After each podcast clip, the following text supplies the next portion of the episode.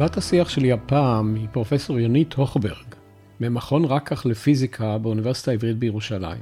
את הכשרתה האקדמית החלה בטכניון. את עבודות המוסמך והדוקטורט עשתה בפיזיקה במכון ויצמן למדע, ולאחר מכן השתלמה בפיזיקה באוניברסיטאות ברקלי וקורנל בארצות הברית.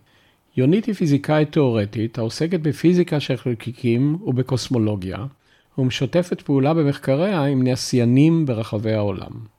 אנחנו משוחחים על חידת החומר האפל ביקום, ועל המרוץ המרתק לפענוח התעלומה המדהימה הזו, על מודלים בפיזיקה המנסים להסביר ממה בעצם העולם בכלל בנוי, על המודל הקרוי המודל הסטנדרטי ואילו שאלות הוא מותיר פתוחות, על כוחות חזקים וחלשים בטבע, ועל זמנים ומרחקים כל כך זעירים, שהמוח האנושי מתקשה לדמיין אותם, ורק הפיזיקה והמתמטיקה פותחות להם אשנב.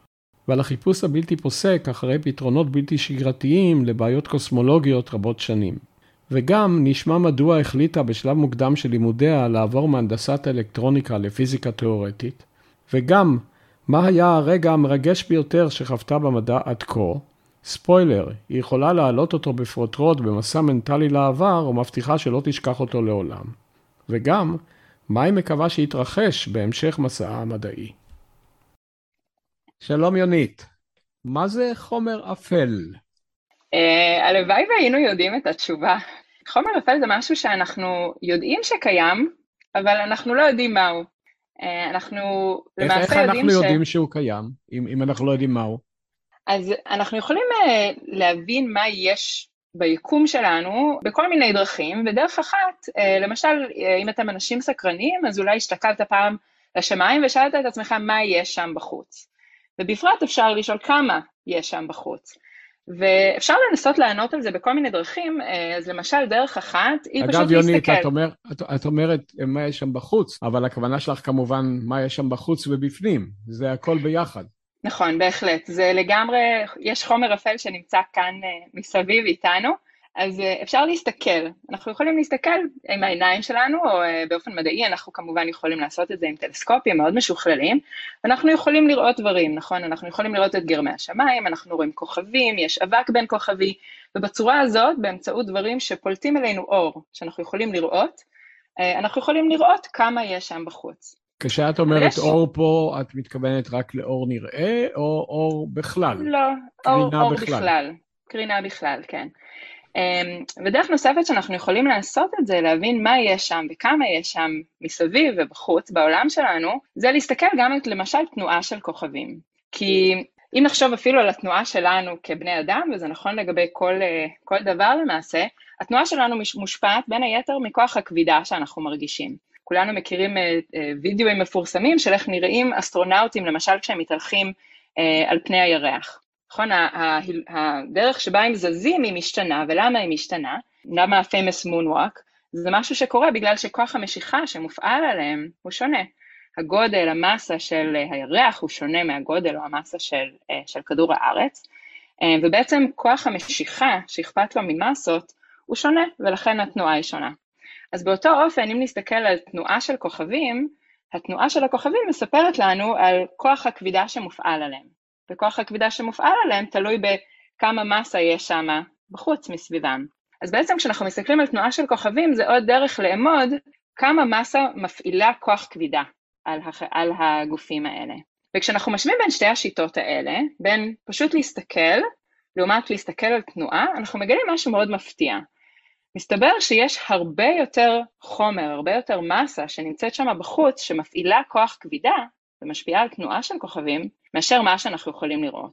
ולמעשה מסתבר ושוב, שזה לראות, לא... ושוב, לראות, הכוונה פה לא רק במזוורד, לא רק בעולם שאנחנו נכון. רגילים לראות, אלא גם נכון. לראות בעזרת כל המכשירים שאנחנו מסוגלים בכל טבחי מנעד הקרינה. נכון. אמ, אז בעצם כל אותו חומר שמפעיל כוח כבידה, אבל הוא לא משהו שלמעשה עושה אינטראקציה עם אור, עושה אינטראקציה עם אור בכל אורכי הגל שלו, זה חומר שאנחנו לא יודעים מהו, אנחנו קוראים לו חומר אפל. זה בדיוק מקור השם שלו אפל, בגלל שהוא לא נראה. אמ, ולמעשה מסתבר שזה לא איזה, איזה צ'אנק קטן של חומר, איזה משהו זניח, יש פי חמש יותר חומר אפל ביקום שלנו מאשר החומר הרגיל שמרכיב אותי ואותך ואת השולחן ואת האדמה שאנחנו דורכים עליה. מה שאת אומרת הוא שלפי המודל הזה, כ-80 אחוז מן החומר ב, ביקום כולו, אנחנו פשוט לא מסוגלים לראות אותו אלא בחישובינו? נכון, אנחנו לא רואים אותו, אנחנו יודעים או מקישים על קיומו מכוח הכבידה. אנחנו רואים את, השפעות, את השפעותיו דרך כוח הכבידה. ומה אם כן. אנחנו טועים באיזושהי קורלציה בין שני המדדים הללו? אני אגיד לך למה אני שואל את זה, אה, ותכף נחזור להסברים הנהדרים שלך, כי אה, כשניסיתי לקרוא אחדים מן המאמרים שלך, ואני מוכרח לומר ששניים שלושה אפילו הבנתי לפחות את התקציר, אז יש שם משפט שפשוט אי אפשר היה שלא לשים אליו לב. המשפט הוא במאמר שנקרא Early Universe Model, אה, building, בניית מודל של היקום הקדום, ו- וכתוב שם ככה, הפיזיקה הקיימת היום, אני מתרגם תרגום חופשי, הצליחה בצורה יוצאת מן הכלל לתאר את היקום הקדמון, לדוגמה המודלים האלה והאלה והאלה, בקיצור, כאילו הכל ברור וידוע. אז הנחת היסוד היא שהכל ברור וידוע? לגמרי לא. אני חושבת צריך להבדיל בין uh, מה שאנחנו יודעים למה שאנחנו לא יודעים. אנחנו יודעים כל מיני דברים על העולם שלנו, ואנחנו יודעים כל מיני דברים על איך חוקי הטבע מתנהלים.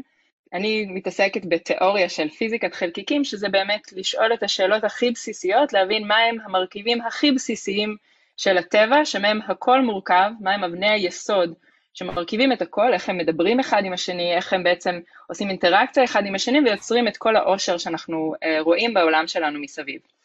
ויש לנו uh, מודל uh, מתמטי מאוד מאוד פשוט, מאוד מאוד יפהפה, שמתאר בצורה כמעט, כמעט מושלמת את, uh, את מה שאנחנו רואים מסביב.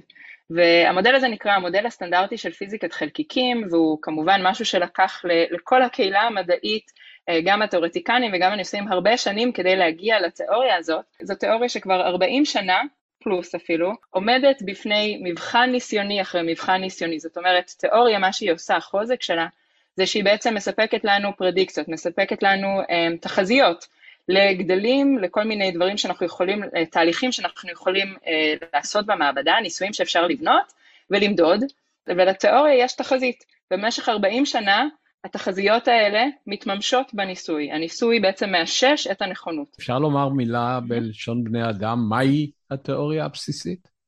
זו תיאוריה שהיא בעצם, אה, אם, אם ככה אה, מפרקים אותה לרכיבים שלה, היא בעצם אה, מורכבת מ-17 חלקיקים יסודיים.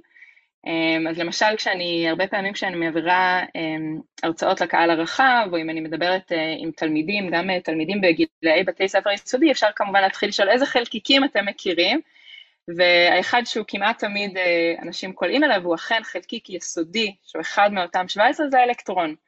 כולנו מכירים את, ה, את האלקטרון, כולנו שמענו לפחות על, ה, על האלקטרון, אפילו אם אנחנו רק יודעים שזה חלק של המילה אלקטרוניקה, אלקטרוניקה שהיא אה, כמובן משהו שמאוד משפיע על החיים שלנו.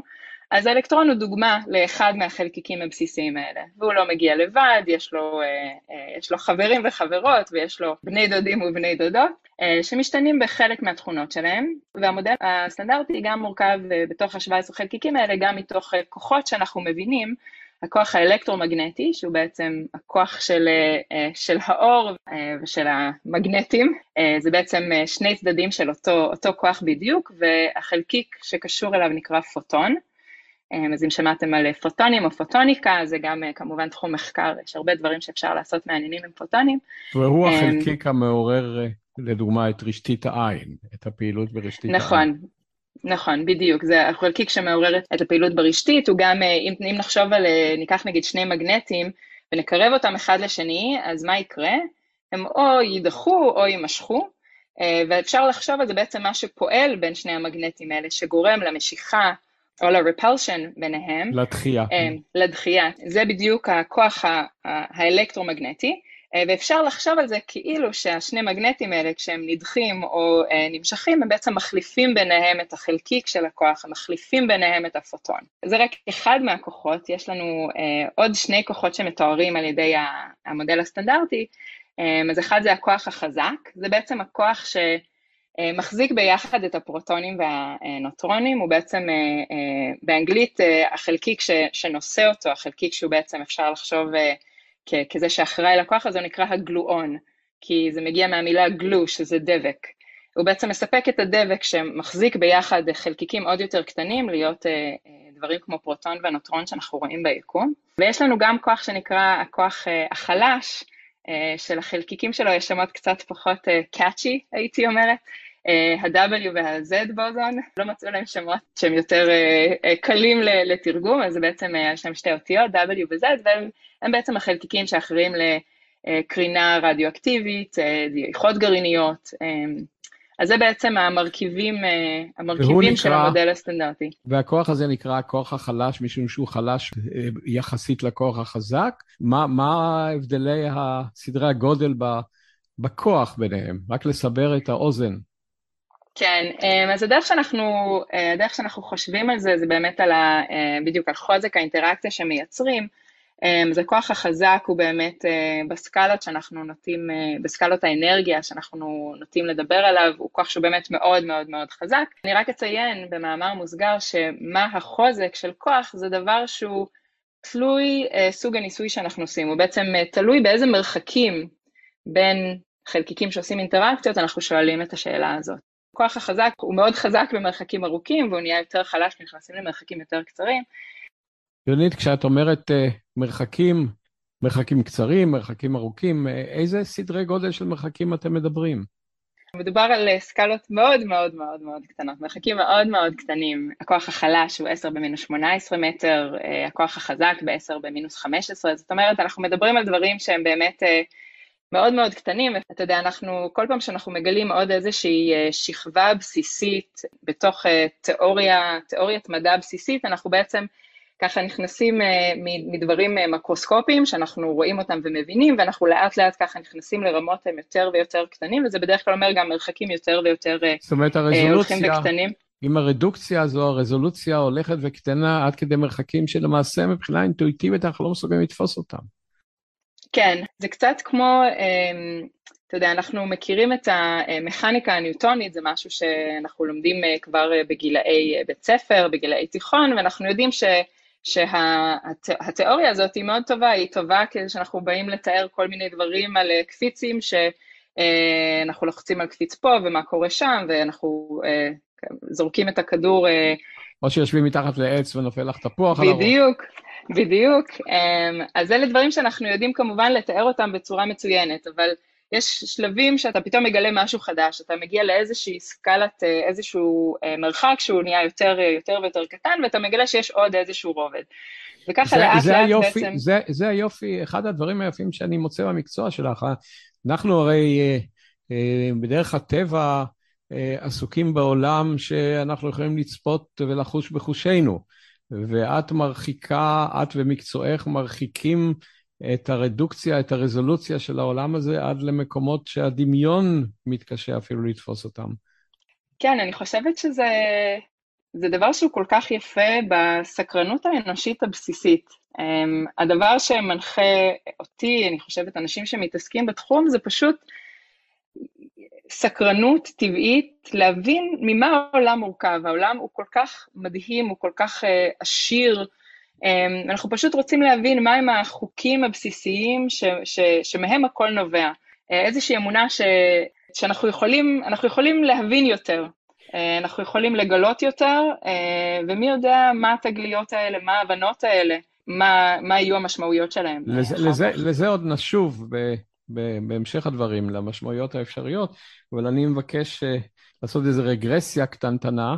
אם ככה, אז האם אפשר לתאר את הגישה למודל הסטנדרטי כמין אה, מטריצה שבה יש לך 17 חלקיקים ומספר, אה, כמה, שלושה כוחות, והמשחק ביניהן? זאת אומרת, בשביל להבין שיש מודל כזה, אנחנו לא צריכים לדעת את כל השמות, אה, אבל להבין שיש כיום 17 פיונים בלוח הזה? Uh, כן, אז אני רק אגיד, החלקיק ה-17-היא והסיפור הזה, שבעצם התגלה uh, לפני בערך עשור, עם, uh, ועל התגלית שלו באמת גם התקבל פרס נובל, זה החלקיק שנקרא בוזון ההיגס, והוא בעצם חלקיק סופר חשוב בכל הסיפור הזה, הוא בעצם זה שאחראי לתת לכל החלקיקים שיש להם מסה את המסה שלהם, והוא בעצם ככה סוגר את המעטפת הזאת של ה-17 חלקיקים. זה החלקיק שזכה בסיינטיפיק ידיעות לכינוי החלקיק האלוהי? נכון, נכון. אבל אה, אולי תגלי לכולנו אה, שבין זה לבין אה, המשמעות שמייחסים לחלקיק האלוהי אין קשר, זאת אומרת זה בכלל נבע ממשהו אחר, לא? כן, כן, בוודאי. בתוך הקהילה המדעית אנחנו כמובן לא, לא, לא קוראים לחלקיק ההיגס כחלקיק אלוהי, אם כבר יש אה, איזשהו ציטוט ידוע שזה the goddamn particle ולא God particle, um, אבל אני חושבת שזה מדהים כי זה, uh, התגלית של החלקיק הזה, שזה משהו שלמעשה כל הקהילה המדעית עבדה uh, כל כך הרבה שנים לבנות את מאיץ החלקיקים הגדול, ובעצם החלקיק הזה הוא סוג של, הוא היה חלקיק ש... מאוד מאוד קיווינו, אני נזהרת מלהגיד ידענו שנגלה אותו, ידענו שנגלה אותו עם כל מיני דברים והנחות שעכשיו אפשר להגיד, אמ, אבל בעצם, אה, אה, בעצם התקווה הגדולה הייתה שבאמת נגלה אותו וזה איזושהי יריית פתיחה לעוד אה, תגליות שיבואו. ובאמת עם, ה, עם התגלית שלו אנחנו יודעים מה המסה של החלקיק הזה, אמ, הוא בערך 125 פעמים מסת הפרוטון, אמ, אנחנו יודעים עכשיו במדידות מאוד מדויקות איך הוא, איך הוא מדבר עם עוד כל מיני חלקיקים אחרים שאנחנו מכירים, ובעצם התחזית שיהיה לנו חלקיק כזה שאנחנו נגלה אותו, ושבעצם, אה, וזה שגילינו אותו ומדדנו אותו, זה בעצם מספק את, ה, אה, את החותמת ואת ה... הוא בעצם היה החלקיק האחרון החסר בתוך אותו מודל. אז הייתה תחזית שאנחנו אכן נגלה אותו, אה, וכך היה. אז אבל הנה, את, את נגעת בנקודה שהיא מאוד חשובה מבחינתי עקרונית, וזה שהתקדמויות של תחומים, בתחום שלכם זה נראה במיוחד בגלל הגדלים שמדובר בהם, מותנות בצורה קריטית בפיתוח המכשור ומערכות הניסוי שמאפשרות לדחוף את החזית קדימה. כן, לחלוטין. אמ, אבל אני, אני חושבת שחשוב להדגיש בהקשר הזה שיש הרבה סוגים שונים של, של ניסויים, אה, סוגים שונים של חזיתות בהקשר הזה. זאת אומרת, אין ספק שהכיוון שכרגע דיברתי עליו, המאיץ החלקיקים הגדול, ה-Large Hadron Collider או ה-LHC, ש, אה, שעובד אה, באירופה, אה, עם center שיושב בז'נבה, שגם אה, אה, הקהילה הישראלית כמובן לוקחת בו גם חלק מאוד פעיל, יחד עם שאר הקהילה הבינלאומית. זה, זה ניסוי מדהים, מטורף, כמות עצומה של אנשים, אני חושבת שזה, אולי זאת הקולבורציה ה, ה, הכי גדולה, זה הניסוי הכי גדול שהאנושות אי פעם בנתה, וזה ניסוי שהרבה ממה שהוא עושה, הוא בעצם מנסה לעלות לאנרגיות יותר ויותר גבוהות, שזה שקול לגישה למרחקים יותר ויותר קטנים. על, על אותו משקל שדיברנו קודם. אמ, וזה כיוון שהוא אה, מאוד מאוד חשוב, והוא בהרבה מובנים היה אה, הדרייבר של העבודה הניסיונית אה, בתחום של פיזיקת חלקיקים, אבל זה לא הכיוון היחיד. יש הרבה דברים שאתה יכול לגלות מזה ש... אז מה שעושים בניסוי הזה, בעצם זורקים פרוטונים באנרגיה מאוד מאוד גבוהה אחד על השני, בקצב מטורף, יש איזה ביליון התנגשויות כאלה לשנייה כשהמכונה הזאת עובדת, זה, אה, ובעצם מקווים שאם אנחנו עושים את זה באנרגיות מאוד מאוד מאוד גבוהות, יצאו כל מיני דברים, אנחנו נוכל לראות דברים חדשים שקודם אה, שאנחנו יודעים מה הם, ככה אנחנו יודעים שהמכונה עובדת היטב, אה, אבל אחר כך דברים חדשים. אבל יש גם דרכים אחרות שאפשר לחפש מה שאנחנו קוראים פיזיקה חדשה, חלקיקים חדשים או אינטראקציות חדשות שהם לא חלק מאותו מודל סטנדרטי, וזה לא בהכרח צריך להיות שהולכים לאנרגיות יותר ויותר גבוהות. כמובן שתיאוריה וניסוי תמיד הולכים יד ביד אחד עם השני, ולמעשה אחד מהדברים ש, שמשחקים תפקיד מאוד חשוב זה אה, תיאורטיקנים, יש איזושהי שאלה פתוחה, אוקיי? אנחנו יודעים שהמודל הסטנדרטי שלנו, אה, כמה שהוא מופלא ונהדר, הוא לא סוף הסיפור, כי יש לנו גם אה, עדויות ניסיוניות וגם אינדיקציות תיאורטיות שמספרות לנו שהוא ככל הנראה רק קצה הקרחון לאיזושהי תיאוריה עוד יותר עמוקה, עוד יותר פשוטה, שמתארת את הטבע שלנו. אחד אבל הדברים... אבל שלא, שלא, שלא תבטל אותו, אלא תוסיף עליו. בדיוק, נכון, בדיוק. אז זה משהו שבעצם אה, יש איזה שהם אה, סט של שאלות פתוחות, שאנחנו יודעים שהמודל הסטנדרטי לא נותן עליהם מענה.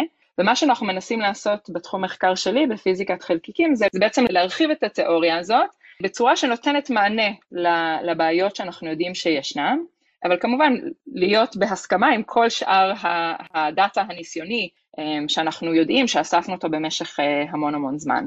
והחומר האפל זאת אחת הדוגמאות הגדולות למשהו שאנחנו יודעים שקיים, מתוך ההסתכלות הגרביטציונית על הסיפור, מתוך ההשפעה של אה, כוח הכבידה, ומצד שני אין שום חלקיק, מסתכלים על כל אותם 17 חבר'ה שיושבים בתוך המודל הסטנדרטי ואין אף אה, מועמד או מועמדת לתפקיד, אז אנחנו יודעים שיש פה משהו חסר. אז אם אני אשוב לחומר האפל שלא ירגיש מוזנח, הדרך לגלות אותו היא תערובת של תיאוריה וניסוי, והניסוי הוא לעשות ולמצוא חלקיקים שכן יסבירו אותו? כן, אז, אז ברשותך אני רק, רק, רק אומר עוד משהו על הקשר הזה בין תיאוריה לניסוי, שגם מתקשר למה שדיברנו על הניסוי הגדול הזה. תיאורטיקנים מנסים לתת איזשהו מודל חדש, שהוא מרחיב את המודל הסטנדרטי ונותן מענה לשאלה פתוחה. אבל הדבר הזה כמובן צריך להיות גם עם תחזית לניסוי, שמישהו ילך וימדוד משהו במעבדה ונוכל לדעת לאשש או להפריך את הרעיון הזה. וככל שחושבים בצורה יותר פתוחה וחדשנית על מהם אותן תיאוריות, זה מכווין את הניסיונאים להבין איזה סוג ניסוי כדאי לי לבנות. הייתי אומרת שבעשור האחרון יש איזושהי רוח חדשה שנכנסת לתוך הקהילה שלנו, שבאמת מתחילים לחשוב על, על החשיבות של הגיוון בניסויים, הגיוון בכיווני מחשבה, זה משהו שמתרחש בו זמנית גם בקהילה של התיאורטיקנים, שאנחנו מתחילים לחשוב אה, על כל מיני אה, דרכים חדשות לפתור בעיות שהן בעיות שקיימות כבר הרבה זמן, אה, והדבר הזה גם מכווין אותנו, או מכווין את הניסיונאים, להתחיל לחשוב על כיוונים חדשים לניסויים, שהם לא בהכרח התנגשויות של פרוטונים אחד על השני באנרגיות עוד, עוד יותר ועוד יותר גבוהות, כי זה, זה ניסוי נהדר והוא כמובן יספק הרבה תשובות מאוד מאוד מעניינות, אבל זה לא התחום היחיד שבו אנחנו יכולים, אה, אה, אנחנו יכולים לקדם את המדע שלנו, ומאוד יכול להיות שניסויים שהם אפילו עוד יותר קטנים, אבל פורצים דרך באיזושהי חזית, אה, באיזשהו כיוון אחר שלא חשבו עליו קודם, שדווקא משם יבואו הדברים, יבואו תוצאות מרתקות. והיכולת הזאת להסתכל באופן רחב ולהיות פתוחים לאוסף רעיונות אה, רחב, שהוא לא אומר, אני מאמין שהתשובה היא רק בכיוון מסוים או בכיוון אחר, אלא בעצם אה, ממש לבוא עם פתיחות, אה, ואני חושבת גם ענווה, שאנחנו לא יודעים מה, אנחנו לא יודעים מה התשובה, והכי חשוב זה שאנחנו נחפש בכל הכלים שעומדים לרשותנו. אני חושב שהשילוב הזה בין תיאוריה למעשה מעיד על בגרות של תחום. אני, אני בא מתחום שבו עד לפני שנים לא רבות, לא היו אנשים אה, שישבו וחשבו על התוצאות הניסוייות. כשאני אומר לא היו, זה לא אומר שלא היו בכלל, אלא זה לא נחשב כמפתח לקידום בתחום, לשבת ולחשוב על התוצאות הניסויות ולהציע הצעות איך אולי לשנות את הדרך הניסויית או לקדם אותו. אני מבקש סליחה מכל אלה שיגידו, טוב, אני חשבתי. אבל זה לא היה מאוד מקובל. אני חושב שמה שנקרא בפיזיקה פנומנולוגיה לא היה קיים במדעי החיים, ובעיקר אה, לי חשוב היה אז התחום של אה, חקר המוח, שזה מבחינות רבות הוא דומה לפיזיקה של חלקיקים, יש פה כל כך הרבה מהלא ידוע. החומר האפל אה, במוחנו מבחינת, אה, אני לא מדבר על החומר האפל המוסרי או הקוגניטיבי, אלא החומר האפל מבחינה מטאפורית הוא, אני חושב, אותו סדר גודל, אנחנו לא מבינים 80-90 אחוז ממה שהמוח עובד. אז זה מאוד מוצא חן בעיניי שהתיאורטיקאים והפיזיקאים והניסויים בפיזיקה באמת אה, משלבים ידיים. ובשילוב הזה את משלבת גם ידיים עם עצמך, לא כן? את לא רק תיאורטיקאית. אז באמת אה, הסוג תיאוריה שאני מתעסקת בו אה, באמת נקרא פנומנולוגיה, לפעמים קוראים לתחום שלנו אה, High Energy Physics, פיזיקה של אנרגיות גבוהות, בדיוק מתוך אותו קונספט שאנרגיות יותר ויותר גבוהות שקול למרחקים יותר ויותר קצרים, שזה להתחיל לגעת בדברים הכי בסיסיים ולוודא שקילפנו את כל השכבות והגענו לאיזושהי אבן יסוד שאנחנו יכולים להבין. אמ, והתחום שאני, שאני עוסקת בו באמת, פנומנולוגיה, הוא כשמו, באמת הוא, הוא נורא אכפת לו מה, מהפנומנה. אז זו תיאוריה שהיא תמיד נמצאת...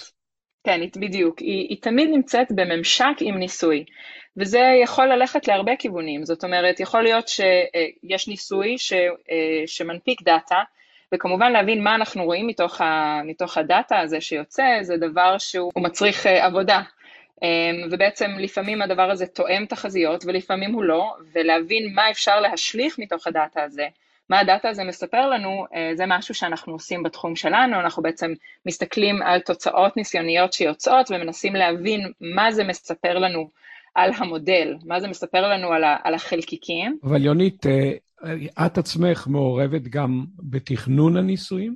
אז אחד מהדברים שבאמת אני עושה בשנים האחרונות, אמ, זה גם בדיוק הצד השני הזה, שלמעשה אני גם יכולה לחשוב על ניסוי חדש, שאולי אה, אף אחד עוד לא בנה אותו, ובעצם להציע אותו, ואז יש לי עבודת שכנוע ללמה למה הניסוי הזה הוא ניסוי טוב, אה, ובעצם אה, להראות שאם מישהו יבנה את הניסוי הזה, יש לנו סיכוי מצוין אה, אה, לגלות משהו חדש, אה, לחשוף איזשהו טפח ב, במה שאנחנו קוראים לו מרחב פרמטרים, באיזשהו חוזק אינטראקציה ומסה של חלקיק אה, שאנחנו יודעים שהוא מעניין, אה, והדבר הזה באמת זה אחד מהדברים המרכזיים שאני עושה בשנים האחרונות.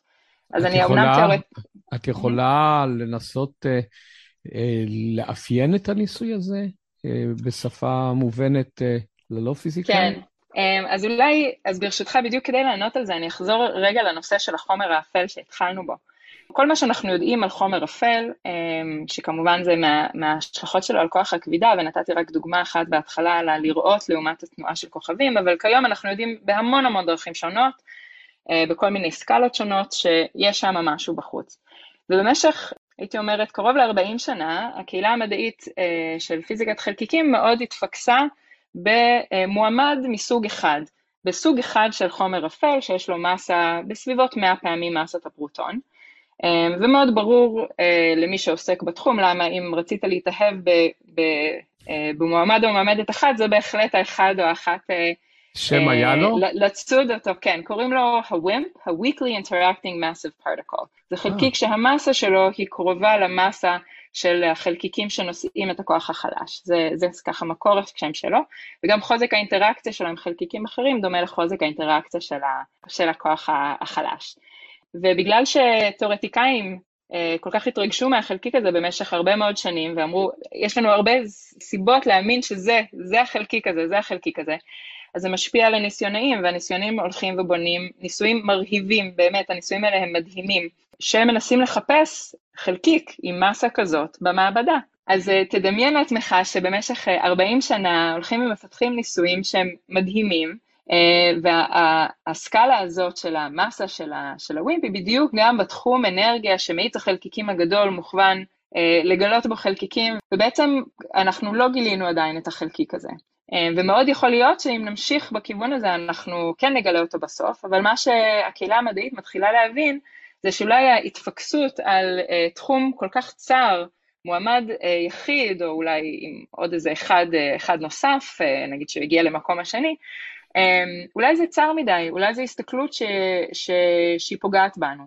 Um, אז במקביל להמשך של הניסויים המרהיבים האלה, uh, אנשים מתחילים לחשוב קצת uh, מחוץ לקופסה של, uh, של אותו מועמד, של הווימפ, ובעצם אם מסתכלים על מה ה... אנחנו יודעים כמה חומר אפל יש לנו בעולם שלנו, ביקום, אבל אנחנו לא יודעים מה המאסה שלו, יש, סדר, יש בערך 80 סדרי גודל, 10 בחזקת 80 סדרי גודל של מה המאסה שלו יכולה להיות. איך אפשר לדעת אה, כמה יש אם לא יודעים מה המאסה? מה שאנחנו יודעים זה מהי אה, צפיפות האנרגיה של החלקיק.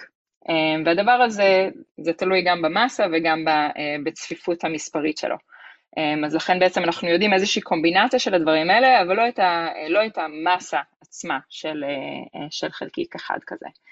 ובעצם מה שאחד הדברים שבאמת אה, אני ככה נכנסתי לזה בהתלהבות אה, אמ, בתחילת הפוסט-דוק שלי לפני בערך עשור, וזה ככה בתזמון מוצלח גם עם שאר הקהילה המדעית, זה באמת להתחיל לחשוב בכיוונים חדשים, ולהתחיל לחשוב מהצד התיאורטי על איזה תהליכים חדשים שאף אחד לא חשב עליהם קודם, אה, אולי שהם יכולים להתרחש ביקום המוקדם בין חלקיקים, אולי, אה, אולי הם יספרו לנו כמה חומר אפל יש ומה המאסה שלו.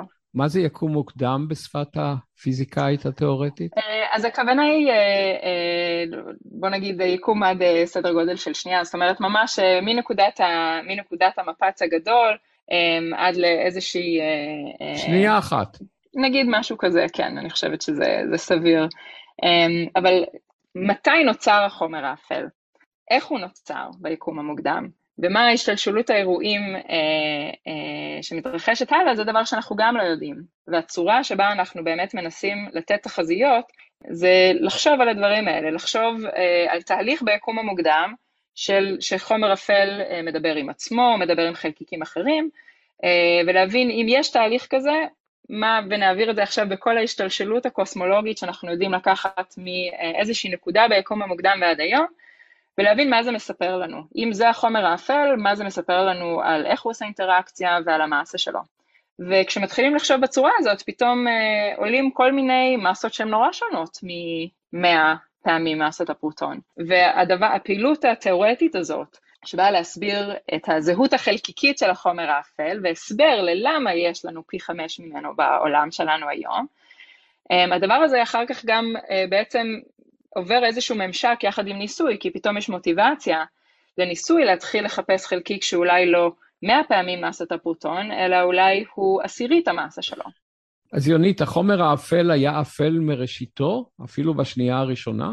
Uh, ברוב המודלים התשובה היא כן. Uh, זאת אומרת, החומר האפל, כמו שאר החומר ש, uh, שמרכיב את העולם שלנו, קיים ביקום המוקדם, מה שקורה זה שהוא אה, עובר איזה שהן אינטראקציות, הוא מדבר אולי עם אלקטרונים, אולי הוא מדבר אה, עם עצמו, או עם איזה שהם חלקיקים אחרים, אה, ובעצם דרך האינטראקציות האלה, ככל שהיקום שלנו מאותו מפץ גדול אה, ועד היום הולך ומתפשט, הולך ומתקרר, אה, וכל התהליכים שעוברים עליו, בעצם הוא, הוא נשאר פה איתנו. היקום המוקדם הוא, אה, אתה יכול לחשוב על זה כמו, אה, נניח יש איזושהי כמות של חומר, תחשוב על איזשהו כדור של חומר, והכדור הזה הולך ו- ומתרחב, אוקיי? הולך ומתפשט. אמ, ואם מה שקורה, נניח שיש לי תהליך שבו שני חלקיקים של חומר אפל פוגשים אחד את השני ונעלמים, אוקיי? הם הופכים למשהו אחר. אמ, אז בעצם כל עוד התהליך הזה ממשיך לקרות, אז אה, חלקיקי חומר אפל הולכים ונעלמים, ואם זה היה ממשיך לקרות עד האינסוף, אז לא היה לי אף חלקיק של חומר אפל שהיה נשאר כיום. אבל ככל שהיקום הולך ומת, ומתרחב, uh, הסיכוי של שני, של שני החלקיקים האלה לפגוש אחד את השני הולך וקטן, כי הם הולכים ומתרחקים אחד מהשני יחד עם ההתפשטות הזאת של היקום. ובאיזשהו שלב היקום שלנו מתרחק, uh, מתפשט כל כך הרבה, החלקיקים האלה מתרחקים אחד מהשני כל כך הרבה שהם כבר לא נפגשים, והמשמעות אם הם לא נפגשים זה שהם כבר מפסיקים uh, להשמיד אחד את השני.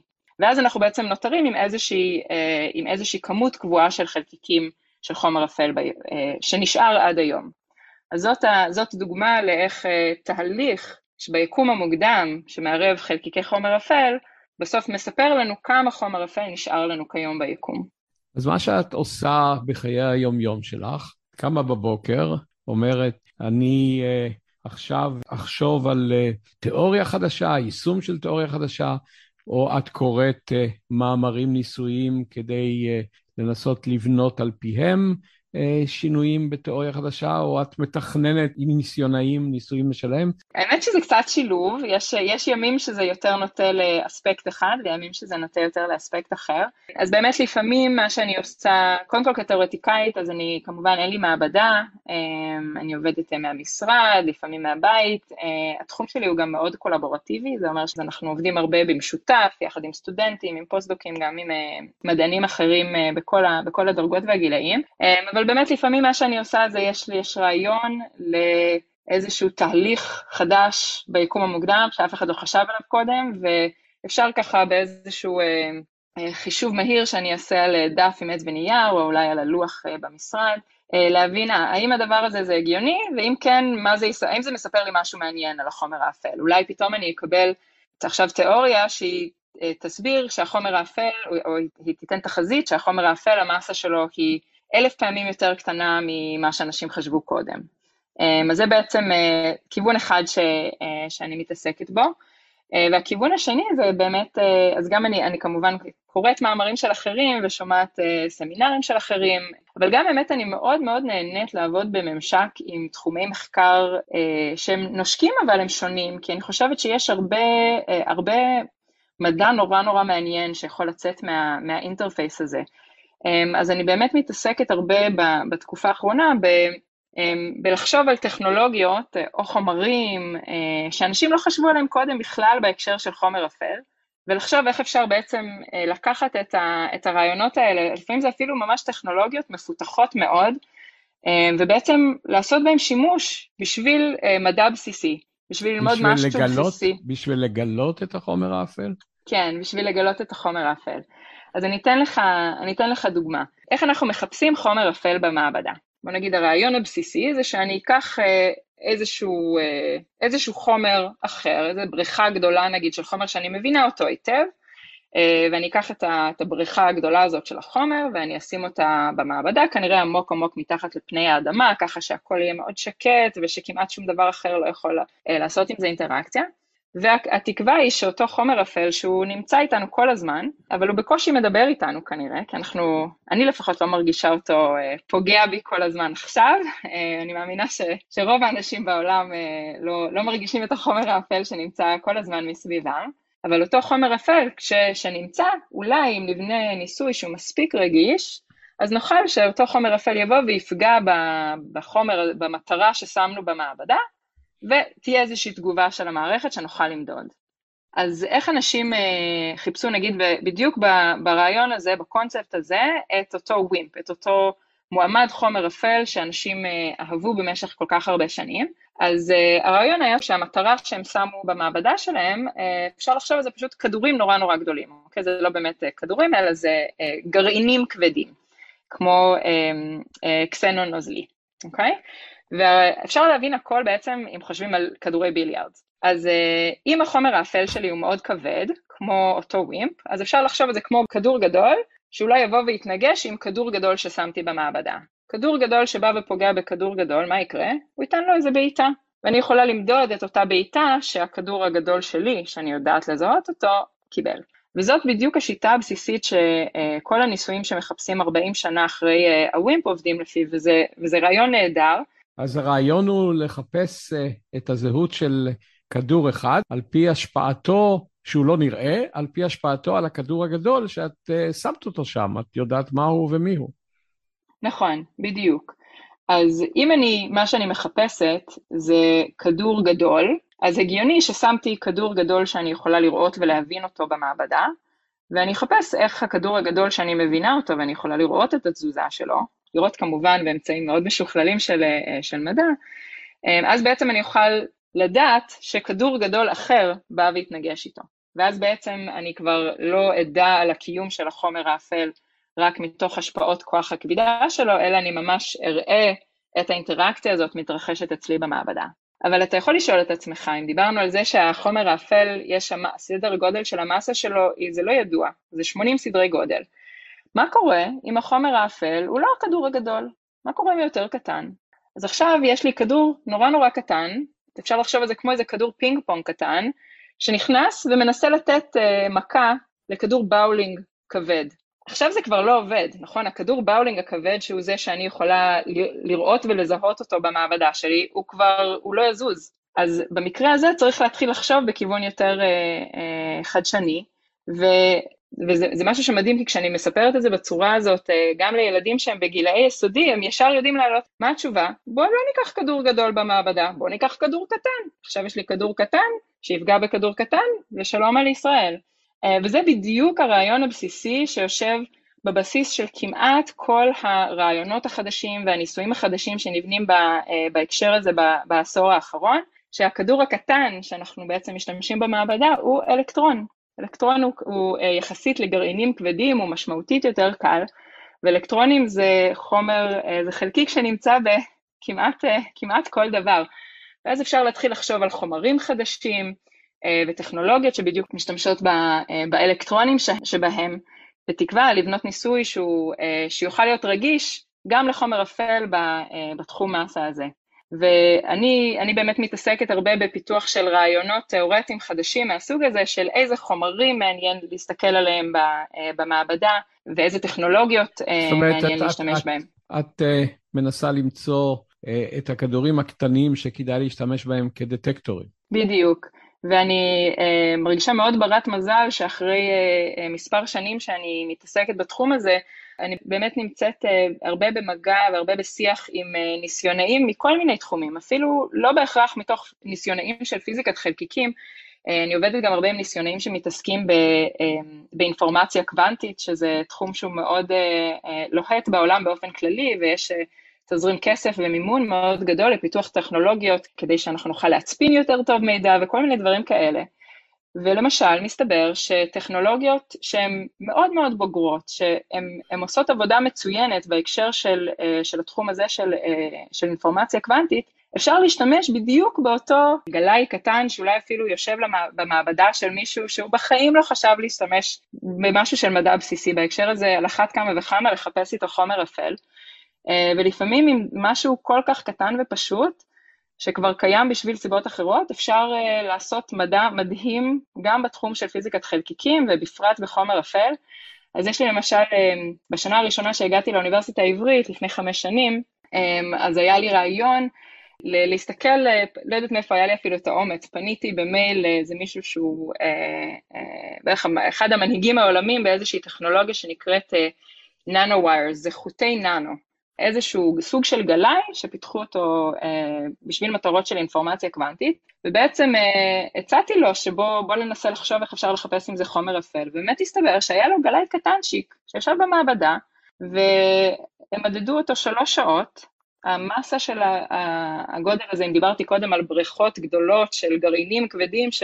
טונות של חומר שאנשים חיפשו בניסויים אה, עם מיליונים של דולרים אה, בשביל לחפש את הווימפ, אז פה בגלאי קטן של ננוגרם, ננו זה מיליארדית הגרם, מיליארדית הגרם, שלוש שעות של דאטה, ויכולנו לשים חסמים על חומר אפל במסה שהיא אה, מיליון פעמים קטנה ממסת הפרוטון, יותר חזק ממה שמישהו אחר אי פעם הצליח לשים.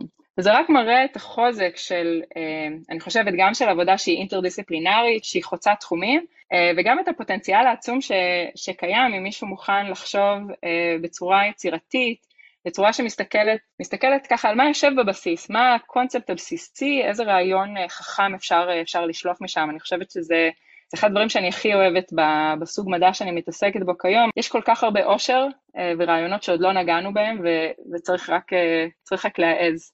לפני שאני אשאל את uh, שאלת 64 אלף השקל, שהיא תהיה והיה ומצאנו את חלקיקי או חלקיק החומר האפל, איך זה ישנה את חיינו, אני רוצה לשאול שאלה שהיא קצת יותר פילוסופית. את מדברת על היקום הקדמון, על השנייה הראשונה, בסדר, ומה היה לפני השנייה הזו? מה תשובת הפיזיקאית? זאת שאלה שאני כפ, כפיזיקאית, אני לא, אה, אני אישית לא, לא מתעסקת בה. יש אנשים שמנסים אה, לחשוב האם הנקודת ראשית הזאת היא באמת ראשית, או שהיה אה, משהו, משהו שקודם, אבל כמובן שהדרך שאנחנו מתעסקים בזה בכיוון המדעי, היא לא בהקשר הפילוסופי או הדתי, אלא היא באמת באה לקחת את, ה, את המתמטיקה, את השפה המתמטית שאנחנו ממדלים, אה, את התפתחות היקום שלנו ו, אה, ואת החלקיקים שלנו אה, וכולי, ולראות האם, האם היא בהכרח מספרת לנו רק את הסיפור הזה, או שקיים סיפור אחר שהוא עדיין קונסיסטנטי, שהוא עדיין עקבי עם כל מה שאנחנו יודעים על היקום שלנו, ואנחנו יודעים המון, האם קיים איזושהי וריאציה אחרת של אותו מודל ש, ש, ש, שהוא לא מתחיל באותה, באותה ראשית. זה הכיוון שמדענים, אם הם רוצים אה, לחצוב אחורה מעבר אה, לנקודת האפס, אה, זה הכיוון שהם לוקחים. אם כך נחזור לשאלה של ה-64 אלף שקל, נמצא מהו החומר האפל, ונמצא פתרון ל-80-85% מן החומר שעדיין נעלם מעינינו. איך זה ישפיע על חיינו? אז אני חושבת שכל בן אדם שיגיד שהוא יודע מה תהיה ההשפעה, זה בהכרח יהיה שקר וכזב. התשובה היא שאין לי מושג. אני כמובן מתעסקת בחקר, אה, בשאלת מחקר הזאת, אה, בלנסות להבין מה זה, מסקרנות בסיסית. זה, אני חושבת שזה זה אה, הכוח המוביל, האנרגיה המובילה למדע בסיסי. זו דוגמה נפלאה ומרתקת למדע מאוכוון סקרנות. שאגב, נכון. מרבית השינויים הטובים בחיינו נמצאו כך. נכון, העיסוק שלי בתחום הוא לא בשביל שום דבר חוץ מהסקרנות הזאת להבין מה העולם שלנו מורכב. ואין לי מושג מה, מה יצמח מתוך, ה, מתוך הידיעה הזאת. אבל אני חושבת שגם אם רוצים ככה להסתכל בצד הפרקטי של הדברים, אני כן חושבת שיש שני אספקטים שבהם באמת ההיסטוריה מלמדת אותנו שכשהולכים וחוקרים מדע בסיסי מתוך טוהר מדעי של סקרנות נטו, שהוא דבר שבפני עצמו יש לו ערך עצום בעיניי, דברים טובים יכולים לקרות שאנחנו לא יכולים, לא צפינו אותם מראש. אז דוגמה, דוגמה אחת זה אה, בדיוק אה, נופלת לקטגוריה שאתה דיברת עליה, וזה למשל התגלית של האלקטרון. כשגילו את האלקטרון לפני 100 פלוס שנה, האם מי שגילה אותו חזה, ידע להגיד באותו, באותו מועד שכל העולם המודרני עם האלקטרוניקה וכל הדברים ש... שאנחנו לא יכולים לדמיין את החיים שלנו אה, בלעדיהם, הוא בוודאי לא היה יודע להגיד שזה מה, ש, שזה מה שיצמח, ולכן אני חושבת שכשאנחנו מגלים משהו חדש אין לנו מושג לאן, לאן זה ילך, אבל הרבה פעמים המון טוב בסוף יוצא, המון אה, דברים מרתקים יוצאים מהדבר הזה מאוד שימושיים. והדבר השני שאני אוסיף זה שלפעמים גם בשביל, בדרך שאנחנו צועדים בה, כדי לענות על השאלה הזאת של המדע הבסיסי, לפעמים בשביל לתת את המענה אנחנו נאלצים כמעט לפתח טכנולוגיות כדי להגיע לדבר הזה. אז למשל ה-World Wide Web, שהוא גם אה, חלק, אה, חלק מרכזי אה, המרשתת. בהתנהלות. המרשתת. בדיוק, הזאת. המרשתת הזאת, שאנחנו כולנו משתמשים בה על בסיס יומיומי, והיא כמובן דבר שאנחנו, אני חושבת, רובנו לא יכולים לדמיין את, ה, את החיים היום בלעדיו. זה משהו שלמעשה נוצר על ידי מדענים בתחום, בתחום, בתחום שלי, שרצו להיות מסוגלים להעביר מידע ולדבר אחד עם השני בשביל לקדם את המדע שלהם בצורה שהיא יותר טובה. ולא חשבו, ולא חשבו בכלל על טוויטר. לחלוטין. יונית, איך, איך הגעת uh, לעיסוק הזה? Uh, תתחילי ביקום הקדום. אז אני אתחיל ב, ב, ביקום הקדום שלי. Um, אני חושבת שתמיד הייתי ילדה מאוד סקרנית, um, סקרנית על הטבע, סקרנית uh, על המון המון דברים, ומאוד אהבתי, גם, uh, גם ביסודי, גם בתיכון, מאוד אהבתי המון המון דברים. Um, האמת שאת התואר הראשון שלי עשיתי בכלל בהנדסת חשמל. Um, מאוד אהבתי, אני חושבת שכבר אז ככה מאוד uh, נמשכתי לתחום של uh, פיזיקה ורצון להבין את חוקי הטבע וגם מתמטיקה מאוד אהבתי. זה היה בטכניון. שני, זה היה בטכניון, נכון. Um, אבל גם מאוד רציתי, uh, חשבתי שיהיה חשוב שיהיה לי אספקט פרקטי, אז ככה רציתי גם קצת מחשבים, ואיכשהו השילוב הזה הוביל אותי להנדסת חשמל. ובמהלך התואר הראשון שלי, ככל ש... למדתי יותר, אה, ואז בעצם אה, אה, מאוד אהבתי המון, מאוד אהבתי מתמטיקה ופיזיקה, אז לקחתי עוד קורסים במתמטיקה ופיזיקה, ולאט לאט הבנתי שהשאלות שמנחות אותי, ואני חושבת שזה נורא חשוב גם כשבוחרים, אם ממשיכים לתואר מחקרי, כשהולכים לעשות מחקר צריך לשאול מה השאלה שמעניינת אותי לשאול. ועבורי בעצם הבנתי במהלך התואר הראשון שהשאלות ש... של אה, אה, שאלות של איך לעשות צ'יפ שהוא יותר אה, קטן או יותר מהיר, הם לא היו השאלות שבאמת בערו בי לשאול, והשאלות שכן בערו בי לשאול היו בדיוק להבין את העולם שלנו ברמה הבסיסית שלו, הכי בסיסית שלו, ואז בעצם משם עברתי לעשות תואר בפיזיקה, תואר שני ואחר כך תואר שלישי במכון ויצמן למדע, שבדיוק אה, ככה הייתי אומרת שפשוט לאט לאט השאלה הזאת, שתמיד משכה אותי, הייתה באמת לגלות מה עומד בבסיס העולם, ממה הכל מורכב, והתחום וה, מחקר שלי הוא בעצם, אה, הוא בדיוק זה. אז אה, באיזשהו מקום זה, אני מרגישה שלפעמים שזה קצת פחות שאני בחרתי בתחום מחקר, ובעצם שהתחום מחקר בחר בי, כי זה פשוט סוג השאלות שאני נמשכתי אליהן. ואת הפוסט-דוק שלך, היכן עשית? עשיתי פוסט-דוק בברקלי, אחר כך אני עברתי לקורנל, האמת שכבר קיבלנו, אה, אז אולי אני אוסיף, אני ולמעשה גם הבן זוג שלי, הוא גם מתעסק אה, בפיזיקת חלקיקים תאורטית, אה, בתחום מאוד דומה. אז בעצם הבן זוג שלי באותה תקופה היה פוסט-דוק בקורנל, אז הצטרפתי אליו לשנה לפני שחזרנו ארצה כחברי סגל באוניברסיטה העברית. מספר השנים שחלפו מאז נכנס לתחום הוא, הוא לא כל כך גדול, ההתקדמות שלך היא במסגרת המודל הלא סטנדרטי, אבל עדיין, אה, האם את יכולה להצביע ולומר, כשאני, זאת אומרת, את היית סטודנטית, במה הפיזיקה הייתה שונה מהפיזיקה שאת מלמדת את הסטודנטים שלך עכשיו?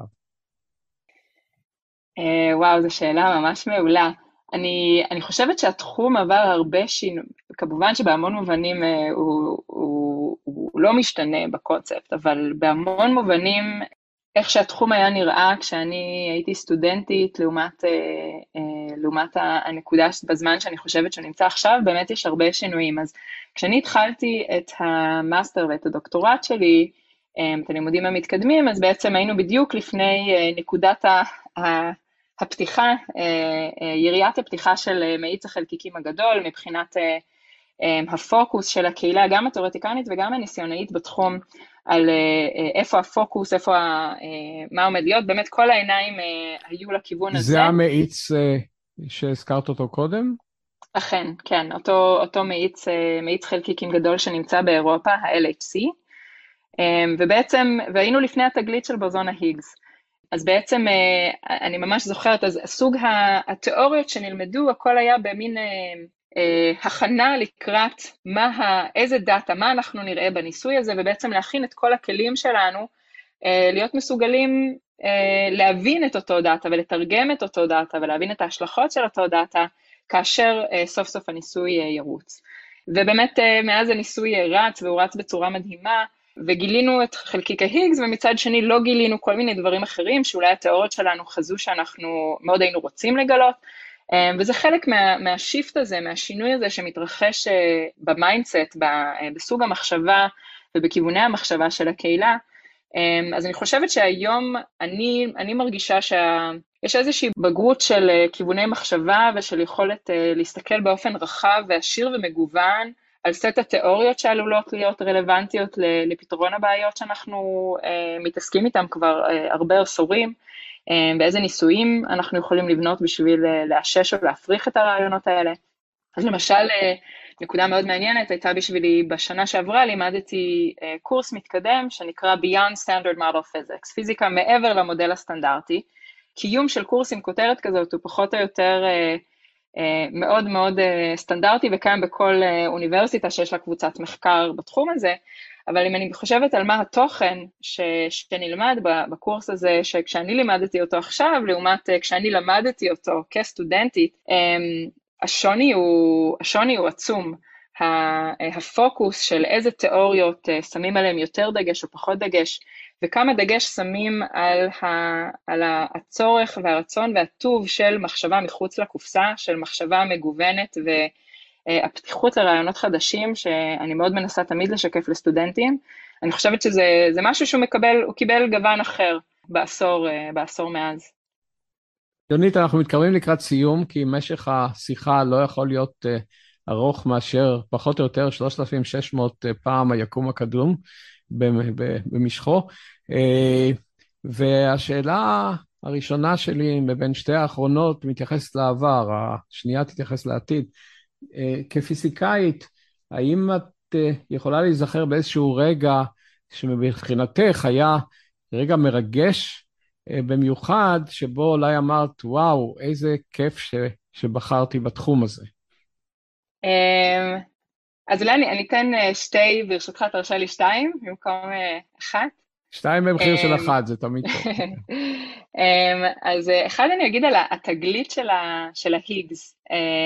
הייתי סטודנטית, אני ממש זוכרת את, את היום שהיה את, ה, את ההודעה הפומבית, כמובן שבתוך התחום כבר ידענו שהדבר הזה מתרחש, זה היה הרביעי ביולי, ואני ישבתי בדיוק במה שנקרא The Lindau Meeting, שזה פגישה של סטודנטים מרחבי העולם עם זוכי פרסי נובל, שזה אירוע מאוד מרגש בפני עצמו, אבל אני ממש זוכרת שבתוך האירוע הזה היינו קבוצה של אנשים מתוך התחום, שהלכנו וישבנו באיזה אוהל כזה בחוץ עם, ה, עם, ה, עם הלפטופים כדי לשמוע את ההודעה, וההתרגשות הזאת של...